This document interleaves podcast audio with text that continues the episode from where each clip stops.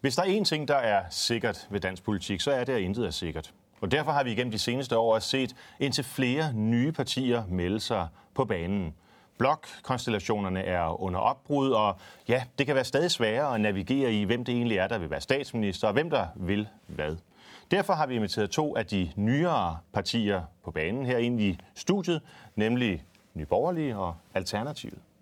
Det har vi, og vi skal grave ned i, hvad er det så egentlig, de går til valg på? Hvad er deres holdninger til temaer såsom mediernes rolle i Danmark, kulturpolitik, lighed, ulighed, frihed, finanspolitik, alle de der temaer, som jeg tror, de fleste vælgere måske har en idé om, hvad de lidt mere etablerede partier står for, men hvor der måske stadig er nogle øh, spørgsmål i forhold til René Gade fra Alternativet og Pernille Vermund fra Nye Borgerlige.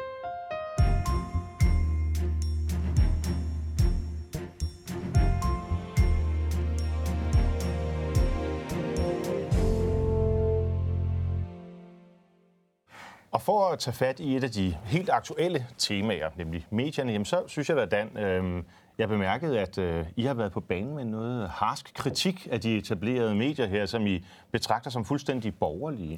Det er ikke nødvendigvis noget, jeg sådan helt selv har oplevet igennem, altså medierne skulle være rygklapper for os øh, borgerlige. Nej. Kan du ikke lige prøve at forklare, hvad kritikken går ud på? Jo, altså, vi har ganske rigtig rejst en, en debat omkring øh, mediernes rolle i Danmark, og det er klart, at der er jo nogen øh, af de store dagblade i Danmark, som helt åbent erklærer, at de har et øh, borgerligt udgangspunkt.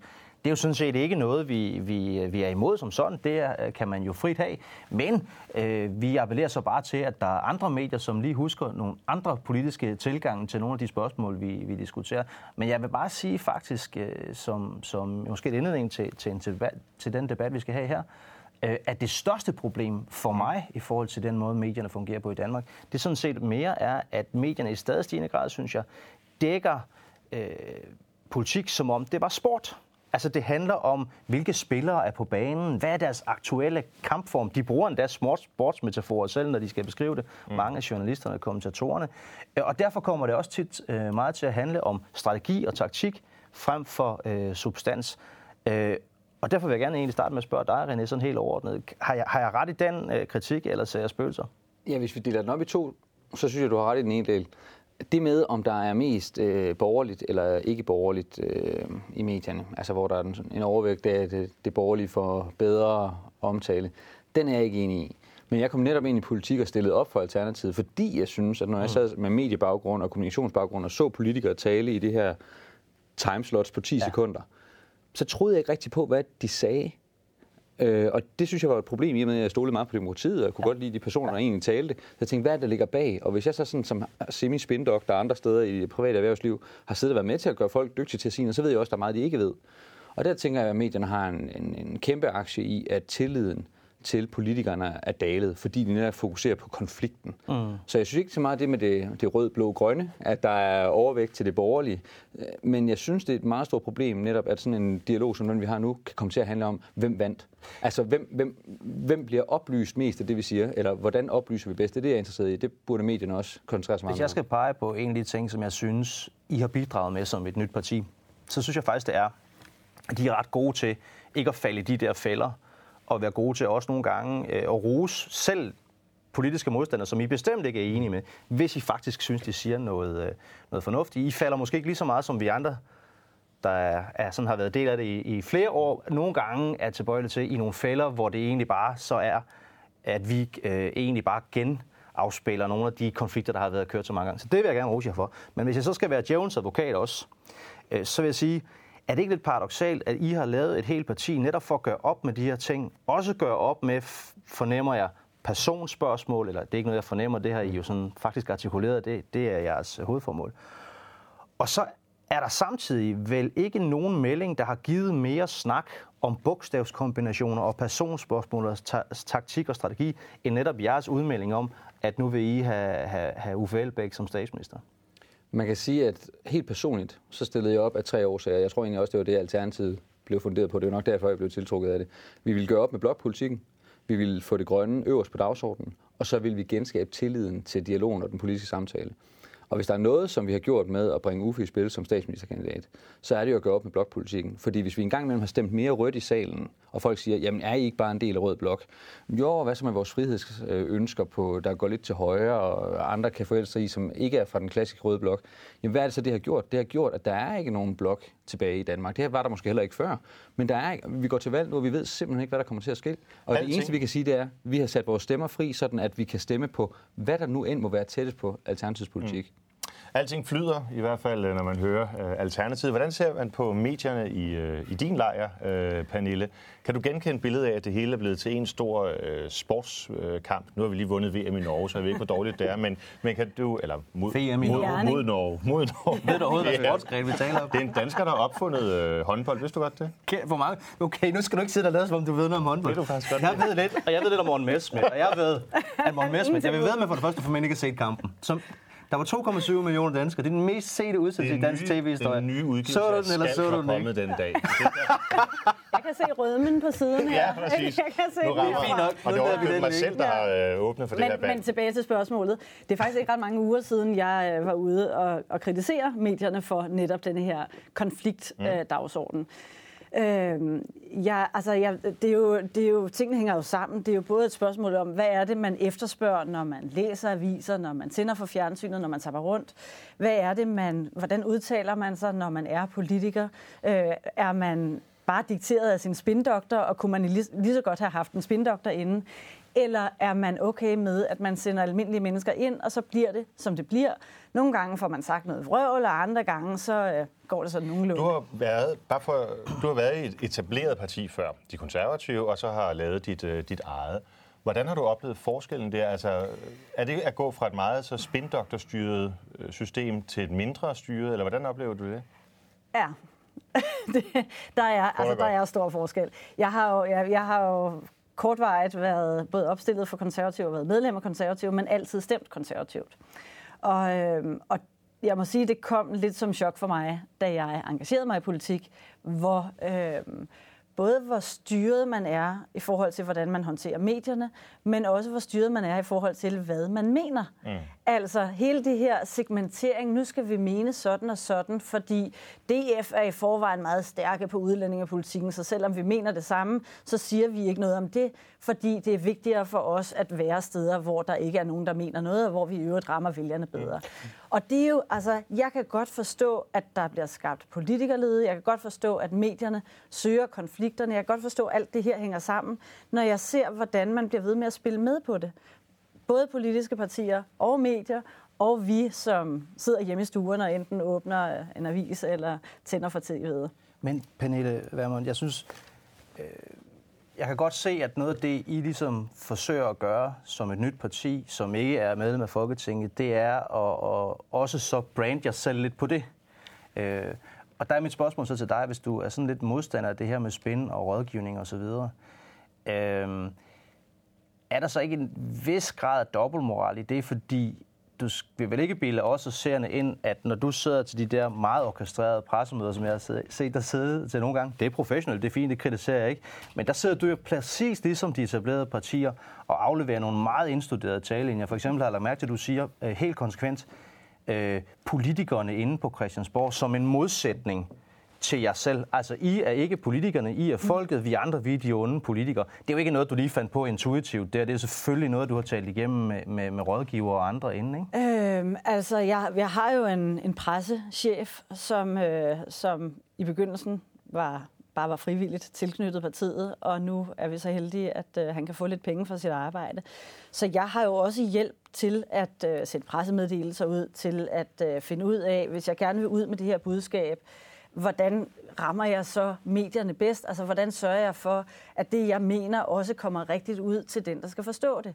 Øh, jeg er uddannet arkitekt, så jeg er rigtig god til at tegne huse. Han er god til mm. at håndtere medierne og ved, hvilke historier er relevante og hvilke historier er ikke relevante. Og der kan være masser af ting, som jeg synes, det er relevant at udtale sig om, og hvor han siger, ved, glem det, det er spild af tid. Men det var egentlig ikke så på så den meget... måde, nej, så på den ja. måde har vi jo, altså på den måde får jeg jo hjælp. Men jeg synes, der er en stor forskel på, om man siger, hvad man mener, eller om man har designet en politik til et parti som eksempelvis det konservative Folkeparti, som jo er 100 år gammelt, og som om nogen burde vide, hvad de mente, og burde have et, hvad skal man sige, et solidt fundament, værdifundament at stå på, mm.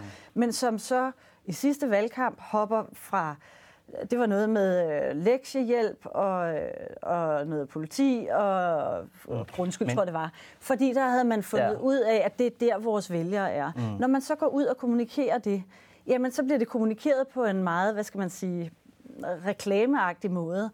Og det er klart, at hvis man som journalist fornemmer, at der er noget hulhed i det her, mm. der er noget, der ikke hænger sammen, jamen så dyrker man det. Øh, og så men bliver det, man det også mere optaget af fejlene. Det synes jeg faktisk er en meget øh, god pointe. Men du svarer ikke rigtigt på mit spørgsmål.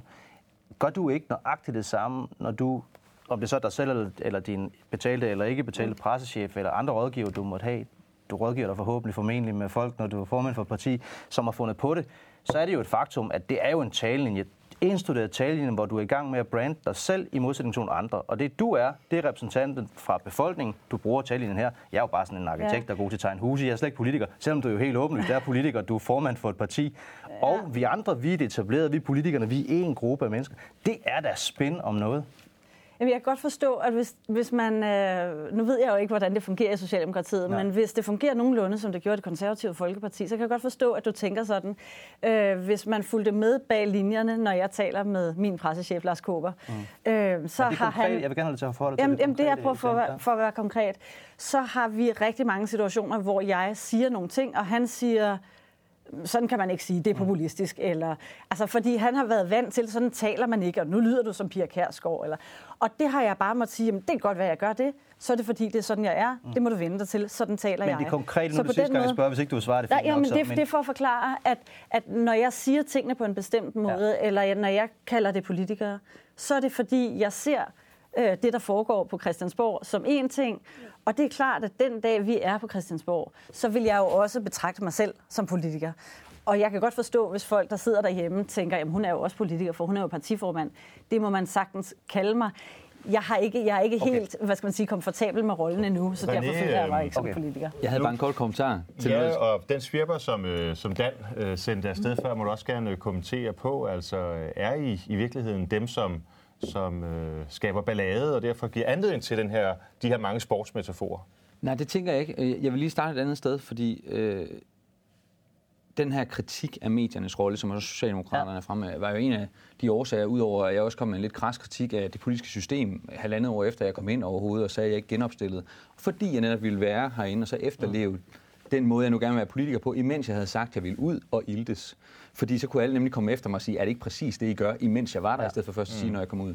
Og der vil jeg sige, det handler ikke så meget om, hvad det er, man siger, man stiller hårde spørgsmål. Jeg synes kun, det er godt, I stiller hårde spørgsmål til os. Og vi skal sige, hvad vi mener. Jeg synes faktisk, I to politikere, der også sidder fra forskellige partier, nu er jo journalister også, er jo nogen, der viser, I kan godt samarbejde. I føler ikke, at den anden er åndssvag. I anerkender ligesom, der er noget i den anden. Vi er i hvert fald gode til at skjule det. Selvom de er fra forskellige partier. Men der, hvor jeg synes, det store problem, det er jo, at en så begavet mand som du, Morten, efter jeg lige har sagt, hvad jeg mener til dit spørgsmål, mm. så når du skal oprise, og jeg ved godt, det er også sådan, at alle seerne kan forstå, hvad det var, jeg nu sagde i de her lange sætninger, så siger du, ifølge Alternativet, så flyder alting.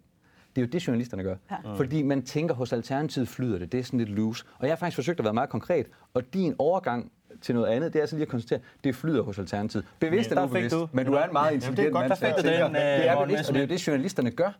Og det gør, at når vi får en overskrift, når Uffe han går ud ja. og siger, mm. han vil være statsministerkandidat, så glemmer de helt, at vi har lavet et regeringsprogram, der er hamrende langt og kompetent, og halvdelen er faktisk ikke partipolitisk, men om hvordan vi vil Men lad mig lige hive fald den så, René, ja. fordi hvis du nu skal være helt ærlig, tror du, der er en kinamands chance? Nu skal du altså så være mm. ærlig. Det er for, at Uffe, for at Uffe bliver statsminister i Danmark. Det er der i hvert fald, men den er meget, meget lille. Der skal ske helt vilde ting. Det kan også være, at Pernille Vermund øh, men, kan blive... Men synes du så ikke, at der er noget paradoxalt i, at du indrømmer selv, den er meget, meget lille, og jeg tror med al respekt... Er jeg elsker noget, Uffe, jeg, jeg, jeg har hele tiden sagt. Nå, ja. okay. Ja. Jeg tror, at de fleste danskere er nok enige. Den er meget, meget, meget lille, hvis overhovedet eksisterende. Ja. Er der så ikke et paradoks i, at når I siger det om noget, I ved, der er meget, meget, meget, meget lille chance for at skære, at det fylder rigtig, rigtig, rigtig, rigtig meget i medierne. Tag det så ikke tid og energi væk fra at snakke om noget af det, som vi, som vi kun taler om, som er meget vigtigt. For eksempel jeres mærkesager om klima og andet. Jeg synes jo heller ikke, der var ret mange, der troede på, at det grønne ville blive den primære dagsorden for de unge herhjemme i Danmark, da vi kom ind. Der er jo masser af partier, Socialdemokraterne blandt andet, der har haft det som en dagsorden længe. Men nu er det altså, måske sammen med indvandring, den væsentligste mm. ting at tale om. Det var der ikke nogen, der troede på, da vi kom ind. Vi satte det for os, og vi har snak, snakket om det hele tiden. Så du mener, det er jer, der har sat bare klimaet øh, for os på danskernes dagsorden? Det, det er ikke den varme sommer, det er ikke, at vi andre har snakket om det i 40 år. Det, det, det er ikke, at FN's klimapanel kommer det, med nye det, rapporter. Det er men, ikke, men Dan, det interessante for en journalist er... Nej, nej, nej, nej, nej, men... det, det interessante for en journalist, og der hvor medierne kan blive bedre, det er jo, at man indkalder til en interview, hvor man så bliver klogere. Mm. Så hvis du har bestemt allerede, hvad du mener om det, jeg siger, i stedet for at være nysgerrig, så siger mm. Nå, så kan det være, at du kommer tilbage om to minutter og siger, jeg, jeg er altså ikke enig, men du har allerede bestemt, hvad du vil høre fra mig. Og der tænker jeg, det er jo det, journalisterne ikke skal. Så ja, jeg mener, at Alternativet har været helt afgørende for, at den grønne dagsorden er den væsentligste i Danmark lige nu. Det er ikke vores skyld, men det er noget, vi har bygget over på de andre. Der har, været, der har været rigtig meget snak, også på det seneste her, om, hvorvidt klimaet nu skulle fylde mere eller mindre i, i øh, pressedækningen. Og det må vi jo se, om det kan være en del af et kommende medieforlig. Fordi indtil videre, så er det jo, jeg er jo sådan set den eneste repræsentant omkring bordet her, der, der vil forsvare det medieforlig, som er, om er, er indgået. Så måske skulle vi lige tage en runde ja, på, på mediepolitik. Må jeg, ikke, må jeg ikke bare lige knytte en kort kommentar? Fordi det her med, at, øh, at Elbæk melder sig som, øh, som potentiel statsministerkandidat. Jeg kan godt forstå, at du er kritisk og siger, at er der overhovedet nogen chance for det? Jeg ser noget andet i det. Og det kan godt være, at det er fordi, jeg ikke Ja, nu skal jeg passe på, hvad jeg siger. Jeg ikke er politiker. Det kan godt være, det er, fordi jeg ikke er en del af den måde, man tænker på på Christiansborg. Jeg ser det som noget enormt befriende, og guderne skal vide, at vi og Alternativet ikke har ret meget politisk til fælles.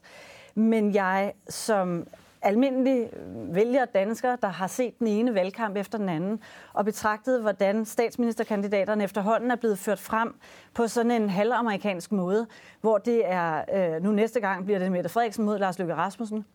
Hvis I kan være med til at bryde det ned, og vi kan få en debat, som er ikke bare en til en, og de to statsministerkandidater med deres hæppekor af partier, men at vi faktisk får en debat, som er mere bred politisk, og hvor medierne bliver tvunget til, fordi det gør det jo muligvis nu, når I har meldt jer på banen, hvor medierne bliver tvunget til at, øh, at ændre på det koncept. Så du, synes jeg, at øh, det er gavnligt for demokratiet. Så kan det godt være, at Uffe Elbæk mener noget andet, end det jeg vil det håbe, men altså, det er jo ja, hvordan vil du gribe det an? Altså, hvis nu det var dig og Nye Borgerlige, skulle skrive landets øh, mediepolitik, øh, hvad vil de store forandringer så være? Hvordan vil det se ud med øh, støtten til aviserne, momsfritagelse, øh, alle de ting, som vi sidder og slås om, øh, og som indtil videre har delt, hvis man må sige, rød og blå blok. Mm. Det kan man jo stadigvæk godt tale om. Hvad er Nye Borgerliges mediepolitik? Jamen, øh, dels så vil vi jo privatisere Danmarks Radio. Ja. Vi mener, at Danmarks Radio må klare sig på markedsvilkår.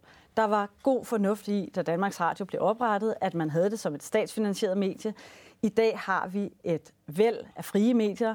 DK4 er et af dem, som jo konkurrerer på meget ulige vilkår, øh, fordi vi har så mange skattekroner bundet op i et mediehus, som, øh, som både leverer en masse nyheder til os, en masse programmer til os, men i virkeligheden også er, hvad skal man sige, karrierebase for en, for en masse journalister. Kan det samme ikke sige som de private skrevne medier, altså Berlingske, Jyllandsposten, Men BT, den store, Ekstrabladet, de får jo voldsomt mange offentlige midler. Jo, og det skal, det skal vi også stoppe med. Jeg mener, at vi bør give medierne fri, og så kan vi sige, at der kan godt være en public service opgave, som vi vil udbyde øh, i licitationen. Lidt som man har gjort med Radio 24 hvor man siger, at nu har vi en fireårig periode, hvor vi gerne vil have løst de her opgaver. Lad os bud på, hvem der vil løse det blandt frie medier. Men, men, men at binde så mange skattekroner op på et mediehus, som får relativt stor magt, uanset om det er bias til den ene eller den anden side, det mener jeg er problematisk. Mm. Hvad vil være det største, som Alternativet synes skulle ændres? Det største og det første, øh, hvis I fik magten til det? På, det er jo sådan altså lidt, lidt konservativt og kedeligt at sige, at det, det først skulle være, at man rullede det tilbage, det nye mm. medieforlig. Ikke? Men altså, det, vi, vi, vi, er jo, vi er jo meget interesserede i at få et stærkt DR, beholde et fast, et mm. fast og stærkt DR. Når du så sidder og fortæller om, øh, om øh, jeres planer, så, så vil jeg også sige, jamen det er jo også en del af vores agenda i Alternativet. Netop udover det er stærkt, vi har nogle stærke statslige institutioner, vi har en stærk dansk kultur også i vores, i vores mediepolitik øh, så vil vi også gerne have nye spillere. Altså 24-7 eksempelvis gør det jo fremragende. Ja, det jeg synes nogle gange, deres øh, morgenflade og deres nyhedsredaktion er lidt for sensationshungerne, men hold da op, var der mange andre fede ja, programmer. Så, så vi vil gerne have det ud, så der kommer mange nye spillere med. Men et stærkt det er helt afgørende i en Trump-tid, som vi har i dag. Så tænker jeg, at det måske også vil være meget fair lige at spørge Morten Messerschmidt, fordi en mand, der siger, at han værner om det danske og øh, en, en god offentlig debat og det ene og det andet, hvordan kan I egentlig støtte? Jeg ved godt, I hedder Danmarks Radio, det, det har ligesom aldrig været en hemmelighed. Så lad os lige lade den ligge. Det tror jeg ikke engang, du vil være sur over. Ja, det tror jeg ikke engang, du synes, det er et karikeret standpunkt. Lad, lige, lad os lige lade den ligge. hvordan kan I støtte, at der bliver taget så mange penge, som der bliver fra public service i en tid, hvor mediebilledet er fragmenteret, hvor der er globalisering, der presser os udefra, hvor man jo nok næsten burde gøre det modsatte, nemlig styrke public service? Altså, for det første er det jo ikke nogen katastrofe, desværre, det man har gjort ved Danmarks Radio. Man øh, går tilbage på et niveau, der lå til, jeg tror, knap 10 år tilbage. Og øh, når man så ser på alt det, som Danmarks Radio laver, der overhovedet ikke er, i min optik i hvert fald, public service, af kageprogrammer og af øh, X-Factor-programmer og danseshows og Gætten Kendt og Hvor bor han og hun og hvad ved jeg. Alt muligt pjat, plat, snak. De programmer VM i håndbold. Øh, programmer skulle altså, som jeg har hørt, nu så jeg det godt nok ikke, det beklager jeg meget mere kult, men jeg tror, det blev sendt på fire kanaler. ikke lave øh, kagedysten? Nej, og, selvfølgelig skal de ikke og, det. Øh, Hvis folk gerne vil sidde og se amatører klaske kager sammen, så de gøre det på de kommercielle kanaler.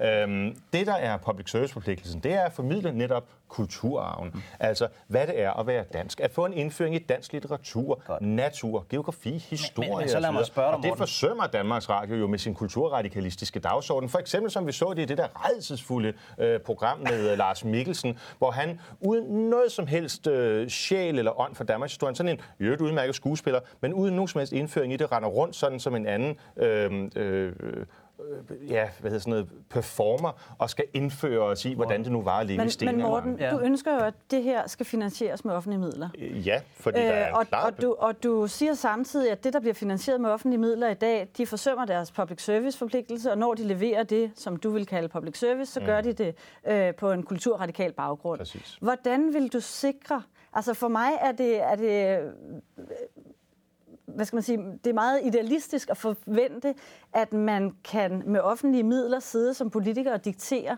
øh, det er ikke engang idealistisk, jeg, jeg vil sige, det er næsten er dumt, altså sidde og diktere, hvad skal, den, hvad skal den politiske dagsorden bag public service være? Det gør vi det i alle andre sammenhæng. Altså, jamen, hvorfor, hvorfor skal borgerne bestemmer? ikke have lov til selv at sige, jamen hvis jeg vil have public service, der er jo masser af public service fra Radio 24 for eksempel, ja. men man giver frit til kende, hvad er det, vi står for? Jeg ved, når jeg tænder for det ene eller det andet program, så er det bias til den ene eller den anden side, og derfor tager jeg de briller på. Det betyder ikke, at jeg kun hører de blå programmer, eller kun hører de røde programmer. Jeg hører men, også Roger ind imellem, det er bedre det, men... Svaret, ja, ja, der skal jo være plads til også øh, andre rariteter. Men altså, Svaret er jo, at det kommercielle på, på kulturafdelingen er endnu dårligere end Danmarks Radio. Der er man ikke bare venstreorienteret og øh, kulturradikal, der er man bare, for at bruge dit eget udtryk, dum. Og ja, men spørgsmålet er, hvordan derfor så er spørgsmålet, hvordan man gør det. Og der er det meget bedre at have indført en medieskat, en licensskat, i stedet for at have den ordning, man har i dag, fordi så får politikerne mere øh, hånd i hanke. Tro mig, jeg har også lyst til at gå endnu mere kød på Morten Messerschmidt på det her spørgsmål. Desværre har vi ikke mere tid i det her segment.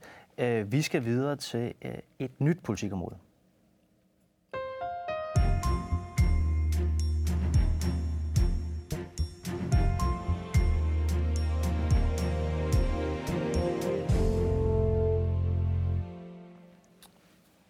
It's the economy, stupid. Jeg tror, det var Bill Clinton, der blev kendt for øh, ordene. Og øh, økonomien, jamen, vi kommer ikke øh, udenom det, det er et helt afgørende tema i et hvert folketingsvalg. Vælgerne vil simpelthen vide, om øh, realkreditlånene, renten og beskæftigelsen, den nu også er nogenlunde intakt, efter man har sat sit, øh, sit kryds. Det er så sjældent, jeg får lov til at rette Morten Messerschmidt i, øh, i noget øh, faktuelt konkret. Derfor har jeg heller ikke, da vi forberedte det her program, gjort ham opmærksom på, at det ikke var øh, Bill Clinton, men derimod hans rådgiver George Stephanopoulos, som havde det stående over døren til The War Room, da han ganske rigtig lavede Clintons kampagne. Den har jeg glædet mig til. jeg tager jo gerne æren for alt, hvad mine rådgiver de laver, og derfor det, så troede jeg, at jeg afsløre den lille... Men selvfølgelig, selvfølgelig øh, har, har du helt ret i en ting der, øh, Morten, og det er, at øh, økonomien øh, betyder jo øh, stort set alt for også, hvad vi kan tilbyde på alle andre politikområder mm. i det danske samfund. Og derfor, når man gerne vil lave en god velfærdspolitik, så skal pengene øh, passe som gerne vil lave en god miljøpolitik, skal pengene være der, osv. Så skulle vi ikke starte med at lægge ud øh, med dig, Pernille? Jeg tror, de fleste ja. ved, hvad I mener om udlændingepolitik, men nok ikke særlig mange ved, hvad I egentlig mener om, øh, om skattepolitik og velfærdsstat og alt det der. Så vidt jeg kan se ved at læse jeres program, så øh, er det ikke bare mindre stat, det er vel nærmest tilbage til natvægterstaten. Ah. Ja, der er folk, der lige skal sørge for, at der er gadebelysning, lidt militær, lidt politi og, og that's it. Ah, ah. Det, ah, men det er ikke meget karikeret. Ah, nu gør du dig, nu gør du dig skyldig i det, som men, men det, Gade, Jeg driller lidt, det tror jeg godt, du ved. Det er helt, men der er meget, det er meget, Prøv at forklare vi vil, jeres... Du vil ikke negligere, det er en meget stor ting, I gerne vil lave om, ikke? Øh, det er i nogens øjne store ting. For eksempel det at privatisere DR er jo en stor ja. ting. At nedlægge jobcentrene er for nogle mennesker en stor ting. For andre er det en befrielse. Vi siger, at der er opgaver, som det offentlige har påtaget sig, som det offentlige ikke skal løse længere. Derfor skal pengene tilbage til borgerne. Hvad kunne det være for nogle opgaver? Jamen det er blandt andet jobcentrene og Danmarks Radio. Altså, og så er det ude i kommunerne et væld af opgaver, som man finder Radio, på. Det er jo selvfølgelig det er store ting, og det vil være forkert, synes jeg, at nedlægge. Men vi taler stadigvæk øh, få er... milliarder i et kæmpe statsbudget. Ah, det, vi siger, hvis vi siger jobcentrene, så er det samlede budget for jobcentrene cirka 16 milliarder om året. Så det, det er så, nede på 3 milliarder om året. Så hvis mm. vi siger, at de opgaver, som det offentlige ikke skal løse, det er en del af det. Men det er jo 1000 udlænding... milliarder på, ja, på et statsbudget, så er der he- Ja, ja, og vi, det er jo ikke, fordi vi vil nedlægge den danske stat. Øh, så er der hele udlændingepolitikken, der er cirka 30 milliarder at spare.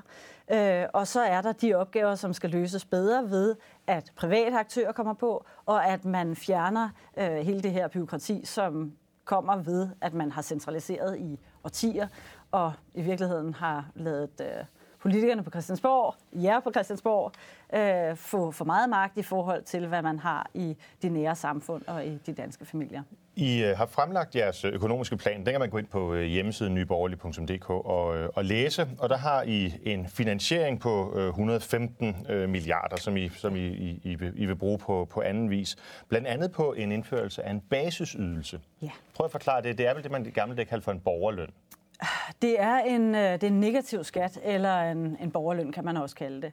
Vi siger, at alle danskere skal have ret til en minimumsydelse. Øh, det står jo også i vores grundlov. I dag har vi kontanthjælpen, som er relativt høj, øh, men som til gengæld jo bliver taget fra folk lige så snart de begynder at arbejde.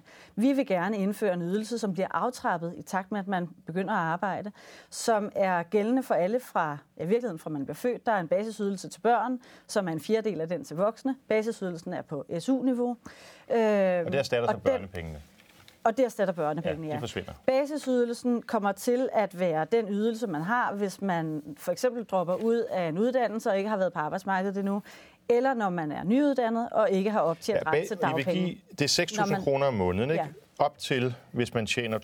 200 ja, og så det, det bliver aftrappet i takt med, at man begynder at tjene penge. Så det betyder, at hver en krone, man tjener, kan betale sig. Når man, ja. når man tjener 200.000 om året, jamen så har man fast flad skat på 37 procent. Så hvis, man, hvis vi deler 200.000 op, så er det cirka 16.500 øh, om måneden, ikke? Øh, ja. ja. Og så skal man så betale 37 procent af, så ender vi på 10.500. Så når man tjener 10.500 om måneden efter skat, så falder de 6.000 bort. Så er de 6.000 faldet helt bort. Ja. Og alle de ydelser, som I så også vil fjerne, dem får man heller ikke adgang til. Altså I vil fjerne kontanthjælp, ressourceforløb, revalideringsydelse, aktiveringsydelse, ledighedsydelse, den grønne check, SU'en og børnechecken og barselsdagpengene. Ikke? Det er det, som så falder bort for alle, Ja, og så, og kommer, så... så kommer der tre ydelser i stedet. Der er basisydelsen, som jo er for raske rørige mennesker, op til de 200.000. Ja. Øh, og som sagt kun er for folk, der ikke har været på arbejdsmarkedet og optjent ret til dagpenge. Fordi kombineret med basisydelsen er også, at vi vil indføre et krav om, at alle forsikrer sig mod arbejdsløshed. Enten i en privat forsikring eller en A-kasse. Og det kan, altså I fjerner jo fradragen, ikke? Så Nej, I, har en ba- I har en flat rate skat på 37. Ja. Så den finansiering kan man ikke trække fra, ligesom at gøre med dagpengebidrag i dag. Eller undskyld, jo, du vil, stadig, du vil stadig kunne trække din fradrag fra. Du vil stadig have fradrag for, øh, for A-kasse. Så det er på kun personfradraget, der skal det, fjernes? Det er kun personfradraget, der fjerner. Fradraget. Der bliver fjernet, ja. Okay. Øhm, når, vi, øh, når vi indfører den her basisydelse, så er det vigtigt at sige, at det her kommer også kun til at gælde danske statsborgere. Ja. Og det vil sige, at udlændinge, som kommer hertil, de det er med på, men jeg er også optaget af danske men, statsborgere. Men for lige at vende tilbage til de tre ydelser. Der er basisydelsen, så har vi en, øh, en ydelse, som jo er for folk, der ikke kan selv, altså vores førtidspension, hvor vi siger, lad os sørge for at få sat den op, så folk ikke skal komme med hatten i hånden, hvis man er syg, og det skal kun være baseret på en lægefaglig vurdering, ja. øh, om man er for syg til at arbejde. Og det betyder jo, at vi som kan, jamen vi har en lidt lavere ydelse, som bliver aftrappet i takt med, at vi, ah, vi tjener penge, så hver en krone, vi tjener, kan betale sig. Og den tredje gruppe er folkepensionisterne. Og, og så den tredje gruppe er folkepensionisterne, hvor vi siger, lad os sørge for, at dem, der har allermindst, på nuværende tidspunkt. Der er jo en udfordring i øjeblikket, fordi der er nogle mennesker, som har meget, meget lidt at gøre godt Men med. er der ikke der mange af de mennesker, der så er i arbejde? Ja, og ja, lige, ligger bare lige, vores hjerte Bare lige for at gøre det færdigt. Der vil vi jo øge ældrechecken målrettet til dem, der har allermindst. Ja. Vi vil sørge for, at det er billigere at få lov til at arbejde. Det er klassisk DF, og... det kender jeg. Men dem, der er i... Nå, det var også der opfandt den. Men altså, dem, der så er i arbejde og tjener altså 10.000 kroner, det er selvfølgelig penge, men de, der er mange, der tjener 10.000 kroner efter øh, skat. Vil det ikke være hårdt for dem at miste for eksempel alle børnepenge, øh, personfradraget? Ja, øhm? børnepengene har de jo sådan set stadig, fordi børnepengene er jo knyttet til barnet. Så de, Nej, den, det den de skriver, det er, at man får en fjerdedel. Altså i dag ja. for eksempel for de små børn, der får du 18.000 om, ja. øh, om, om året. Ikke? Ja. Det er 1.500 om måneden per barn. Ja. Så børnepengene, med mindre barnet begynder som 15-16-årig at arbejde og tjene sine egen penge, øh, jamen så går det jo ikke ud over børnenes. Børnenes basisydelse er stadig børnenes basisydelse. Så i stedet for at kalde det børnepenge, så kalder vi det bare en basisydelse til børn.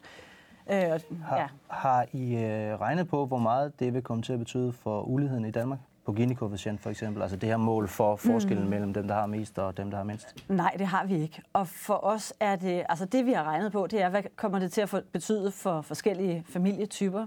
Vi kan se, at alle familietyper, med undtagelse af to, øh, kommer til at stå bedre med vores økonomiske politik. Altså det er både dem, som er i arbejde, dem, der tjener lidt, dem, der tjener ja. meget, dem, der er enlige forsørgere, øh, og også dem, der får syge arbejde. Dem, der kommer til at klare sig dårligere, mm. Det er dels udlændinge, som ikke forsørger sig selv, øh, fordi vi jo siger, at retten til offentlig forsørgelse skal knyttes til det danske statsborgerskab, det, det, og og så er det de danskere, som er raske og røge, men som undlader at tage et arbejde. Men Pernille, det er jo, det er jo sådan set klart nok, at hvis man skar øh, skatten med, med, med 100 procent, så vil alle jo komme til at stå bedre. Det siger sig selv. Så derfor, når I vil skære øh, bredt på ja, alle skattetyper... Alle ikke komme til at stå det, det, Lad mig lige tale ud. Det, der sker, når I, når I skærer teoretisk set så bredt på, på alle øh, mulige forskellige skatteprocenter, så, så er der selvfølgelig mange, man teoretisk set kan få det til at se ud, som om vi klarer sig bedre. Men I skærer jo 100 milliarder kroner i, øh, i offentlig indkomst. Du vil vel ikke, du vil vel ikke bilde nogen ind, at når man skærer øh, 100 milliarder kroner, at det så ikke får nogen betydning for velfærden i Danmark? Jamen det er det, jeg siger. Det kommer til at få en stor betydning Altså det, at vi sparer 30 milliarder alene på udlændingepolitikken, det får selvfølgelig en betydning for de udenlandske familier, mm. som bor i Danmark og ikke Men hvad med de andre 70 milliarder, som vel er helt almindelige danske familier, Jamen, der som får være... velfærd i dag, ja. sygehuse, men, men de 100, skoler, de, uddannelse? De 100 milliarder er ikke 100 milliarder i offentlige øh, øh, ydelser, som bliver sparet. Det er 100 milliarder, som jo, det... spares dels på opgaver, som det offentlige ikke skal løse længere, Altså, Ej, det er skatteproveny her, jeg har taget fra jeres hjemmeside. Ja. 96,1, så okay, ikke 100, men 96,1 milliarder ja. Ja, okay, vil, I finde, det var de 115 i, vil, vil I finde i, i skatteproveny, ikke? Øhm, det er jeres samlede finansiering, der er 115. Det er så ja, selvfølgelig præcis. inklusiv besparelser og sådan noget. Men nu taler jeg om et skatteproveny, altså ja. penge, som staten tidligere fik ind ja. og kunne bruge. Ja, som nu skal tilbage til borgerne. Ja. Og, der, og det er der, jeg siger, der er, der er jo selvfølgelig ydelser, som ikke længere skal udbetales. Hele vores ydelsesreform... Men jeg taler om velfærden. Ja, men kommer det ikke til at gå ud over sygehus og ældrepleje? Nej, det kommer det ikke til. Hvis vi taler offentlige ydelser, mm. så bliver de offentlige ydelser til de syge i vores samfund, dem der ikke kan selv, de bliver højere med vores politik. Du taler de ikke om de offentlige ydelser, tror jeg, vi har forstået, selvom vi er uenige. Ja, nej, men det er fordi, men hvad med velfærden? Jamen, det er, fordi, hvad med sygehusene, hvad uddannelse? Det, det, det ja. jeg sagde. Jamen, vi har sat, vi sætter flere penge af. Alt det der. Vi sætter flere penge af til forskning, vi sætter flere penge af til forsvar. Jo, det kan vi, fordi det er ja. med i vores finansiering. Så øh, forskning, forsvar skal have flere penge, og der skal samtidig spares 100 milliarder. Det vil sige, at det er mere end 100 milliarder, man skal finde øh, i alle de andre offentlige institutioner i Danmark. Hvordan kan det ikke komme til at gå ud over velfærden? Altså, hvor er det, du vil, hvor er det, du vil finde de penge? Jamen, er det vores sygehusvæsen, for eksempel? Nej, det er, som jeg siger, det er på de helt overordnet set tre områder vores udlændingepolitik, cirka 30 milliarder. Nej, på ikke... vores økonomiske ja. politik samlet set, hvor vi ja. siger, at der er opgaver, som man ikke skal løse længere. Mm. Altså, når det offentlige eksempelvis ikke løser jobcenterfunktionen, mm, jamen så er der penge, der går tilbage til borgerne, når kan man ikke løser en opgave. Kan du se 100 milliarder, der ligger derude, vi kan plukke, så vi blandt andet kan afskaffe selskabsskatten? Det koster 36,9 milliarder. 100 milliarder fra statskassen? Ja. Det er det nye borgerlige altså, Det er jo et spørgsmål, jeg simpelthen ikke kan sige uh, ja til. Men altså omvendt, så vil jeg godt give det kado, at der er jo virkelig meget, der kan laves om. Ikke? Altså nu står vi for, foran uh, og måske skulle kigge på uh, regioner og kommuner igen her om lidt, og det er jo også en kæmpe pakke. Øh, hvordan kan man tillade sig at kigge på noget som det? Hvordan kan man tillade sig som også at komme ind i Alternativet og sige, vi vil lægge x mange milliarder over til det grønne, hvis vi ellers får chancen. Så lander vi i et eller andet, hvor vi er regeringsførende, og så må vi lave et kompromis, for ellers har vi ikke flertal. Jamen, jeg er ikke så interesseret i, i, i de 100. Jeg er interesseret i, hvilken retning det er. Der må man jo sige, der er vi nok ret forskellige i, og med, at, at vi i Alternativet vil sige, vi tror ikke på, at det handler om, hvor lidt kan vi slippe med. Hvor, hvor lidt kan folk leve for. Altså, hvor lidt kan en dansker leve for, at dem, der ikke gider at gå på arbejde, som ofte er retorikken, jamen det, det er noget helt andet, vi vil tale om. Vi vil sige, hvordan kan vi sætte mennesker fri til rent faktisk at have lyst og mening i det, de går og laver. Hvis der er så nogen, der aldrig laver noget, og ikke har noget initiativ til at komme ud, så vil jeg jo sige, så er det jo lige ved, at vi er over i, at der er en, der har et problem. Øh, altså, så er man næsten syg, fordi folk har Men lyst det... til at lave noget. Så, så er det jo syge i stedet for. Jeg synes jo faktisk, det er rigtig sympatisk, det der med at sige, at det vigtige er sådan set retningen. Det er jeg enig i. Jeg tror også, jeg bliver nødt til at gå en lille smule tættere på det her for at sige, Kom ind. Hmm, I stiller altså med en statsministerkandidat.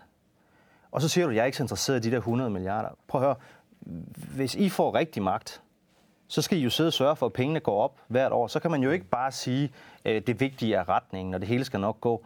Pengene skal gå op, og det er inklusiv til de øh, miljøtiltag, I gerne, vil, I gerne vil lave. De koster faktisk ret meget. De penge skal komme et sted fra. Så derfor bliver man jo nødt til at have en økonomisk politik, der også øh, hænger sammen. Derfor kunne jeg godt tænke mig lige at spørge dig igen. Kan du ikke forholde dig lidt mere nuanceret til, når der for eksempel bliver lavet et forslag om øh, at afskaffe selskabsskatten, som koster 36,9 milliarder. Vil I afskaffe selskabsskatten? Vil I sætte den ned? Vil I sætte den op? Hvad vil I gøre? Det vil jeg meget gerne. Vi har hvert eneste år lavet et øh, finansieret finanslovsforslag. Øh, jeg kommer fra en baggrund, hvor jeg tænker penge hele tiden. Jeg har først lært om tre bundlinjer nu, altså den sociale og den øh, miljømæssige også. Vi kommer ikke til at levere noget som helst, der ikke også har økonomisk plus. Så kan vi være uenige om, om det giver mening at investere i sundhed og i uddannelse. Der har vi haft noget bøvl med Finansministeriet gennem noget tid. Det er der flere partier, der også begynder at sige nu. Er det godt? Kommer det til at give flere milliarder i statskassen rent faktisk investere det, eller er det en udgift? Så ja, vi vil gerne øh, øge skatten på formue, vi vil gerne øge skatten på ejendom, altså investering eller øh, gevinster, man får på ejendom. Altså død økonomi, der ligger noget, der ikke skaber. Så vil vi gerne lette skatten på arbejde i bunden, og så vil vi også gerne sige, hvis du laver en god virksomhed, iværksætter et eller andet, sætter, no, sætter noget i gang, så vil vi gerne hjælpe dig, og også med at give bedre forhold på, øh, på aktieindkomst, eller hjælpe selskaberne til det ene og det andet. Men du får mig aldrig til at gå ind i en, i en diskussion om 100 øh, milliarder. Det er præcis det, jeg går ind i politik for at gøre op med, fordi man kan se, om det bliver Socialdemokraterne, DF eller Venstre, der får magt næste gang, så er hvis, det næsten det samme, der kommer til at ske. Hvis jeg aldrig får dig til det, så, så vil jeg undlade at fortsætte jo, i det spor. Men, men jeg, jeg, synes, jeg, jeg synes jo egentlig, at René har en pointe, ja. fordi René han taler om, hvad er det, og selvom vi mm. kan være uenige om, om sådan de overordnede linjer, så er der sikkert også noget, vi kan blive enige mm. om. Øh, og når man sidder og, og taler, som I gør, mm. om, om økonomisk politik, og siger, kan man virkelig spare 100 milliarder, så synes jeg, det fuldstændig rigtige svar fra Renés side er at sige, hør her, det handler om, hvad er det for en, en retning, vi gerne vil have Danmark i? Hvad er det, der sker? Det handler ikke om, hvad koster det at afskaffe selskabsskatten, det gør det også, men det handler lige så meget om, hvad er effekten af, at vi har en selskabsskat, som tynger vores danske mm. virksomheder, som betyder, at, øh, at man ikke får lavet de investeringer. Man skal huske på, at vi vil ikke fjerne selskabsskatten og så lade være at skatte i den anden ende. Det her det betyder bare, at pengene bliver ikke taget ud af virksomhederne, før der bliver udbetalt løn, eller købt varer, eller på anden måde. En af de ting, øh, som har været et af de helt store hvad kan man sige, slagsmål i, i dansk økonomipolitik de seneste år, det har været spørgsmål om det her med væksten i den offentlige sektor. Og øhm, hvis man ser på jeres finansieringsmodel her for 2017, ja, så vil I bruge hele råderummet øh, på 37 milliarder øh, til at finansiere jeres reformer. Men derudover, så vil I også øh, reducere, altså I vil have en negativ vækst hvert år på 1 procent. Altså det er jo endnu vildere end det, som Anders Samuelsen med sine stålfaste øjne op fra træet, han ønsker sig. Øh, altså, hvad er det for nogle institutioner? I kan jo kun fjerne jobcentrene én gang. Og hvis man, helt frem mod, og hvis man helt frem mod 2025 skal have minus 1% vækst, Altså, hvor, hvor, hvor, hvor, hvad kommer det til så at betyde for for eksempel skole og sundhed? Har I gjort det overvejelser om det? I princippet kunne man jo godt tage, hvis man var lidt hård, så kunne man jo godt tage det hele på en gang. Og det er der sikkert nogle økonomer, der vil sige, er sted med det, tage det hele på en gang, så, så man ikke behøver at tage altså det lidt af gangen. til 25 i det, man, et hug. Ja, det man skal, jeg synes, det der er vigtigt, når man taler økonomisk politik, det er at se på Danmark i forhold til den omverden, som vi handler med, de lande, vi handler med, de lande, vi normalt sammenligner os med. Øh, når vi taler om de her skatter, som er væksthæmmende, for eksempel vores selskabsskat, ja. jamen, så har det betydning for, om iværksættere, vi er jo et innovativt folk, og vi har masser af folk, som, øh, som er gode til iværksætteri, men de placerer sig typisk uden for Danmark, når det, de begynder at få succes. Men det er sådan Hvordan kan vi forhindre det? Og, det og der, synes jeg, der synes jeg, det er vigtigt at sige, at hvis vi har lagt bånd om fødderne på os selv, jamen så må vi gøre op med det. Når vi ved, at vi er det land i OECD, som har nu den næststørste offentlige sektor, og så er der altså masser af mulighed for, at vi kan få en som, øh, slankere offentlig sektor og en større af Bjarne Korydon og, og Cepos. Og, det, og, det, og det er jo sikkert rigtigt. I modsætning til Dansk sikkert, Ja, fordi der er jo en ting, som jeg synes måske er endnu vigtigere, end det der med at sætte sig ned og kigge på et regneark og sige, at vi har en dårligere konkurrenceevne end Kina, eller hvad det nu mm. være nemlig sammenhængskraften i et samfund. Mm. Det er noget, som jeg betoner rigtig meget, fordi det faktisk er en grundkonservativ mm. værdi, at når man reformerer, så er det vigtigt, at alle ligesom kan føle sig inkluderet i det. Mm. Det er derfor, jeg synes, Dansk Folkepartis uh, tilgang har været så rigtig. Og jeg kan godt være bekymret for, hvis nu man hører til en uh, lavindkomstgruppe, uh, mm. og har de der måske 16, uh, 18, uh, 20.000 i, i, i bruttoindtægt mm. om, om måneden, mm. og så kan man sætte sig ned og se hele den der liste over offentlige ydelser, der falder bort Herunder det, som virkelig gør, at mange i den lavere indtægtsgruppe ikke betaler så meget skat, nemlig øh, personfradraget, beskæftigelsesfradraget, det falder bare bort, og så skal man til gengæld kun betale 37 procent. At der vil være rigtig mange derude, der siger, okay, jeg mister alle de der muligheder for at få tilskud, jeg skal betale lidt mindre i skat, men det betyder ikke så meget på grund af, personfradraget også forsvinder. Til gengæld så forfærdes selskabsskatten og registreringsafgiften og alle mulige andre ting, som øh, måske deroppe i Nordsjælland, hvor du holder til, er rigtig populært, men som jo i store dele af Danmark vil skabe enorme problemer. Nej, som i store dele af Danmark vil øge mobiliteten, hvis vi taler øh, registreringsafgiften. Det er ret nemt for os, der bor tæt på hovedstaden, at klare os uden bil. Det har jeg gjort i perioder. Eller klare os med én bil. Når man bor i resten af landet, så er der mange familier, som er afhængige af to biler, for overhovedet at kunne få en hverdag til at hænge sammen børn, der skal køres til og fra øh, skole og idræt og hvad man ellers har. Man skal på arbejde, som måske ikke ligger lige rundt om hjørnet. Der er ikke et S-togsnet. Så der er masser af årsag til at sænke skatterne, særligt for dem, der har mindst. Vi har en række afgifter, som vender den tunge ende nedad.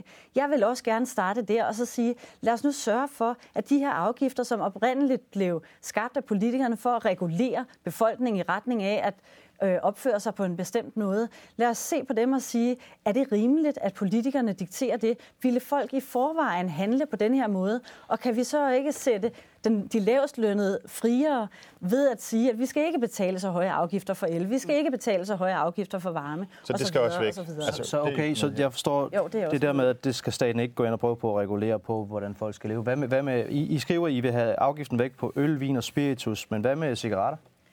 Den har vi ikke fjernet afgiften på. Hvorfor ikke?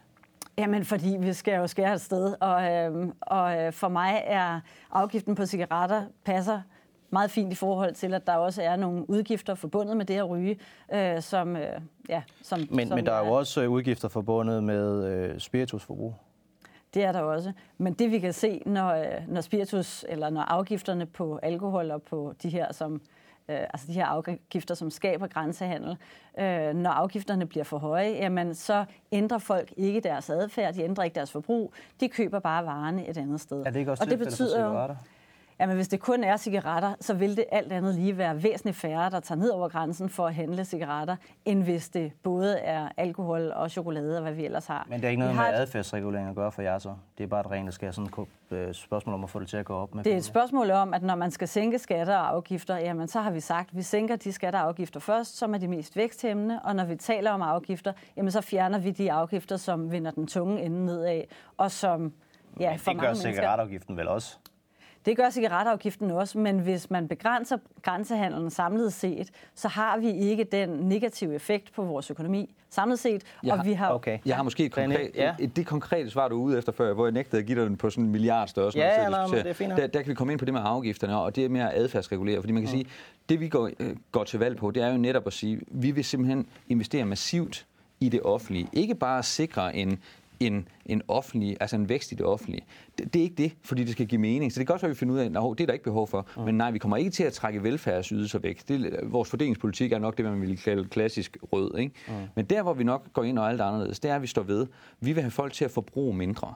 Mm. Fordi vi mener, det er væsentligt i forhold til en grøn dagsorden. Der er meget af det, vi ikke engang selv har lært endnu, som jeg øh, først lige er begyndt at gå. Den her jakke, jeg ved ikke, hvor den kommer fra. Altså, men jeg går, nu er jeg begyndt at gå lidt op i, hvad jeg spiser i forhold til, hvordan vi gerne vil adfærdsregulere, fordi det ord vil jeg nemlig gerne tage i min mund. Ja. Jeg tror, det er rigtig sundt, at der er nogen, der fra politisk hold siger, det her, det vil være det bedste for kloden, det vil være det bedste for Danmark. Om det vil være det bedste for dig som enkeltperson, det kan jeg ikke sige, men vi vil gerne belønne dig, hvis du træffer nogle af de her valg, fordi det er bedre for Danmark. Og der kommer vi til at få rigtig meget ind på grønne afgifter, på skatter. Og så har jeg diskuteret en gang med, med nogle af mine skatteordførerkolleger, da jeg var det, det her moms, altså at, at begynde at bruge momsen, er det ikke lidt farligt, fordi det er sådan et godt styringsværktøj i forhold, så lad os lade være med at gøre det for bøvlet. Jo, men vi vil også godt bruge momsen på eksempelvis at sænke det på øh, grønne fødevarer for, for at flytte noget. Men er altså grønne afgifter, skatter på, øh, på finanstransaktioner, altså alt det her, der ikke bidrager aktivt til samfundet, hvor vi går op med det, jeg vil sige grådighed. Ja. Altså grådigheden ikke, væk med det. have en pointe i at sige, at hvis vi fjernede selskabsskatten, som vi borgerlige vil, mm. jamen så kunne vi tiltrække en hel masse virksomheder fra, fra resten øh, af verden, og vi har en højtuddannet øh, øh, arbejdsmasse, vi har gode forhold osv. Så, så hvorfor ikke øh, satse på den linje for eksempel? Jeg tror det, at udhule, altså, og, og det der ræset mod bunden, som man siger, hvis vi begynder at kæmpe med de lande, der også gerne vil have arbejdskraft til, og store virksomheder, Google og Apple, og hvem man gerne vil tiltrække, jeg tror bare ikke, det er vejen for os. Vi, vi kommer aldrig til at konkurrere på det parameter. Vi kommer aldrig til at være billigst. Mm, vi kommer til at være de dygtigste, forhåbentlig, øh, dem, der kan levere mest effektivt, være mest innovative. Så kampen mm. om men, at gå ned i selskabsskat eller konkurrere med Kina, det er ikke der, vi skal være. Vi skal finde vores helt eget space. Blue Ocean den, og Red den, Ocean. Den med selskabsskat skal du nok få lov at svare på, ja. Pernille. Men, men du sagde nemlig noget ret interessant der tidligere omkring det her med, at, at det egentlig er okay, at vi som politikere gerne vil adfærdsregulere. Det er jo sådan set i fuldstændig modsætning til det, du, du siger. Ja. Jeg er sådan set enig. Jeg er så for eksempel ikke helt enig i, at I gerne vil lægge øh, øh, afgifter på kød for eksempel, fordi det mener jeg netop vil vende den forkerte vej.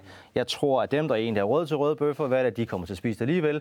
Det er dem, for hvem det er en luksus, man gerne vil have om lørdagen, de får så måske ikke råd til det. Det vil jeg synes var, var ærgerligt. Men, men, men jeg kan egentlig sådan set godt støtte op bag intentionen, men det er jo mere en teknisk uenighed der, hvor at, øh, jeg tror måske, vi kunne være lidt, lidt, lidt uenige på et mere substantielt øh, punkt, det er, at jeg blev mærke i, at du sagde, det, det handler om, det er, om adfærden har øh, skadelig virkning for Danmark og for verden.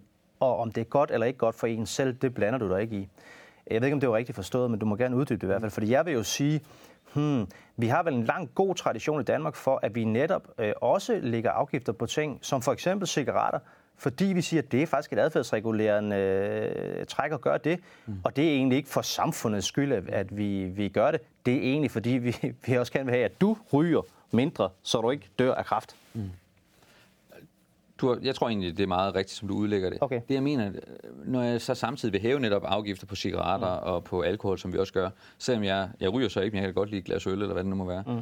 det er, at jeg vil, ikke, jeg, vil ikke, jeg vil ikke love folk, der stemmer på Alternativet, at vi kommer til at gøre alting bedre for dem, hvis de nu godt kan lide at ryge. Så jeg tror i bund og grund, vi er enige på det okay. punkt. Altså, vi vil gerne gå ind og, og, og sige, det er altså vigtigt, at du gør det her både for dig selv, men det, vil jeg ikke, altså, det skal vi jo ikke bestemme, vil jeg mene. Jeg vil sige, hvis der er meget store sundhedsudgifter i Danmark, så synes jeg, det er vigtigt at kigge på, hvordan kommer vi dem til livs? Kunne det være noget med vores livsstil? Og der er noget der, som man så kan gøre ved. Så jeg vil meget gerne komme med forslag, der gør noget, der også er bedre for den enkelte dansker. Mm. Jeg vil bare ikke diktere, hvad vedkommende... Hvis der er en, der bedre bare kan lide at spise brun sovs end alt andet, så skal man jo ikke fratage vedkommende Lad os nu ikke om Morten igen. Men, men, men, øh, lad os. Jeg, jeg, jeg, jeg sidder sådan og tænker, der er to ting for mig. Der er dels det der, hvad skal man sige, både den personlige frihed og det personlige ansvar. Ja. Når jeg ser på antallet af eludbydere, så er der jo stadig flere eludbydere, som øh, sætter priserne op, og som så lover, nu kan du få så så meget grøn strøm, hvis du øh, benytter os som elselskab. At de overhovedet findes på markedet, vidner jo om, at der er en vilje blandt danskerne til selv at bruge penge der, hvor de synes, det føles godt i maven, eller de støtter en god sag, eller hvad det nu måtte være. Mm. Men så hvorfor skal I som... Ja, så vil der jo ikke være den grønne strøm. Jo, men så, jo, men så spørg... Jo, det vil der da. Hvordan det? Ja, altså, fordi det der, der er der masser af... Den massive den er jo ikke opstået på baggrund af markedsspørgsmål. Der, der er der, ja, ja, jamen, der, der, er der, der er der masser af gudskelov for det. Dilemmaet med den grønne strøm er, at den primært er bundet op på el, som jo er uhyre dyrt i forhold til, hvad vi får ud af det. Hvad skulle og at man har... bundet op på, hvis ikke el? Altså, det forstår jeg ikke. Ja, men når vi taler grøn el, så er det jo vindenergi, som vi har sorteret voldsomt. Hvorimod solenergi eller alle mulige andre øh, systemer, som har haft ulige markedsvilkår, ikke har øh, haft den samme teknologiske udvikling. Men i dag er man jo nået dertil med PSO. Ja, jeg går for, det er PSO'en, I gerne vil fjerne. Ja. Altså, vi er jo nået dertil, hvor, hvor vind, vindenergien er blevet konkurrencedygtig med de, med de etablerede, de gamle øh, teknologier, på grund af, at man har lavet de her investeringer. Så kan man diskutere, hvor, hvorvidt man har gjort det for meget eller for lidt. Man kan jo ikke komme udenom, at det er den offentlige investering, som har ført til, at de frie forbrugere så kan vælge noget i dag. Det kunne de vel ikke, hvis, hvis man havde gjort fuldt jeres vej? Nej, så kunne de måske have valgt nogle så andre energiformer, som man gør. Nej, så kunne de have valgt, ja, en atomkraft kunne også have været fint for mig, men så kunne de måske netop have valgt... i Danmark? Øhm, vi behøver ikke at have atomkraftværker her, for at en dansk elforbruger kan benytte sig af kernekraft. Øh, vi kunne måske have haft Men adgang fjerne... til energi fra vores nabolande, præcis ja. som vores nabolande har adgang til meget, meget billig energi fra os. Og det er jo det, der er en af udfordringerne ved energien.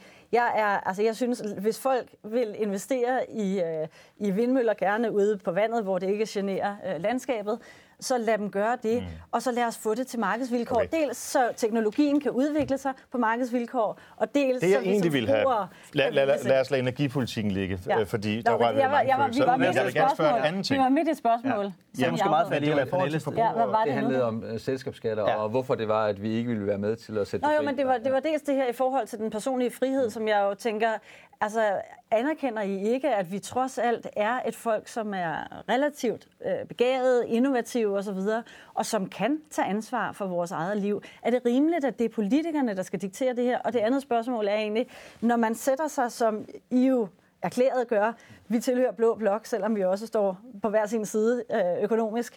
Altså øh, I tilhører Rød Blok, ikke? Orientering er ikke nogen eller, Nej, okay, men, men er, er venstreorienteret i jeres fordelingspolitik. Mm. Mm. Hvordan kan man forsvare at sætte afgifterne op, når man ved, at rigtig mange af de her afgifter vender den tunge ende nedad, når man ved, at hvis man sætter afgifterne op på kød for eksempel, jamen så betyder det, at dem, der ingenting har, de bliver tvunget til at lade være at købe kød.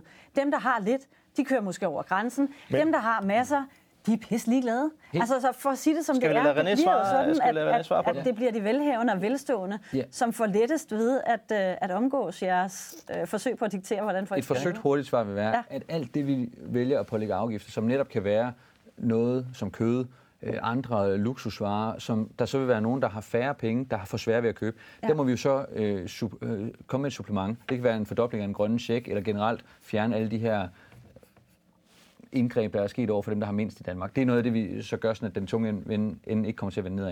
Men det, jeg synes, der er allermest interessant, det er, det vi gør, det er jo, fordi vi mener, at der er nogle strukturer, der skal laves om. Og det om rettidig omhu eller til tiden, jamen, så kan man jo sige, hvis vi kan se lige nu, at der er et problem i forhold til en grøn omstilling, som vi er rigtig godt på vej på grund af mange dygtige partiers arbejde igennem mange, mange år, og nu også vores, at få ændret på. Men der skal ske noget virkelig nu. Så Lego grund for os, alle mulige andre, der virkelig sætter barn højt for danske virksomheder på den her Vestas, på den her front.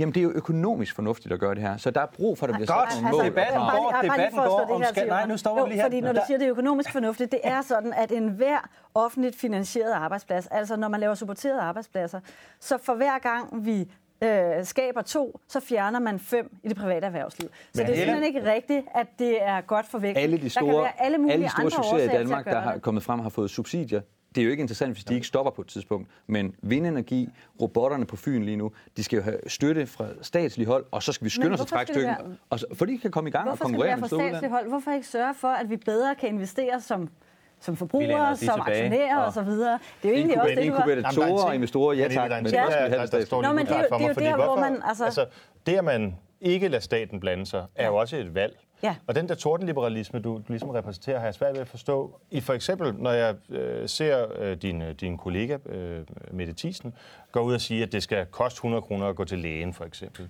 Eller at I går ud og siger, at I vil fjerne huslejeregulering. Så Ej, nogle hun, ting, det siger hun så forhåbentlig ting, ikke som, som medlem af Nye Borgerlige. Hvis det, hun gør det, så det, ligger på, det ligger på internettet. Men jeg siger Ej, bare, al den, slags ting, ikke, al den slags ting er jo også med til at skabe en adfærd. I vil, I Nej, vil ikke, det er ikke vores politik på nogen måde at øge øh, brugerbetalingen i det offentlige. Set fra mit perspektiv, så er, vi har rigelig høje skatter og afgifter i Danmark. Og hvis vi indfører øget brugerbetaling eller ja. brugerbetaling på områder, hvor der ikke er brugerbetaling i dag, jamen så giver vi jo bare politikerne flere håndtag at skrue på. Det kan godt være, at det vil være fornuftigt, når der er en borgerlig regering, at man indfører brugerbetaling for at sætte skatterne ned. Jeg kan love dig, at den dag venstrefløjen øh, får magten, de ting, gik jamen, til valg på sidst. lidt ekstra. Altså, hvis man går ind og ser på oversigterne over jeres politik og sådan nogle ting, så altså, kan man vi se... Er, vi er ikke stillet op til folketingsvalget sidste gang. Så Nye du var ikke opstillet er, til Folketinget sidste gang? Nye Borgerlige er jo et borgerligt parti, som er opstillet efter... Så den politik, I gik til valg på, da I var konservative... Som personer, som konservative, ja. Ja, men den, den kan man ikke længere man, regne med. Man kan jo ikke sige, at Så nye hvad så med huslejereguleringen? Fordi man, nu har vi talt meget om det. Skal den ja. fjernes også? Det mente de før. Ja, og det mener vi nu. Hvad kommer kan, til det man, man, betyde for ja, Du kan jo ikke regne med, at jeg melder mig ud af et parti, og så siger, nu kopierer Jamen, vi bare jamen, den det var politik. også til det, som så du mener synes, stadigvæk. Så hvis du stadig mener, at huslejereguleringen skal fjernes, det er jo, tror jeg også, LA gør og sådan nogle ting. Mm. Det har jo bare en, en betydning. Altså, det gør jo det gør det bare dyrere at bo i visse dele af Danmark. Så ja. hvad har I regnet det ind i jeres... Det gør, øh, det, gør det, det gør det dyrere, hvis man siger alt andet lige. Men hvis man sørger for, at vi har jo fra starten sagt, at vores skattereform, vores ydelsesreform hænger sammen.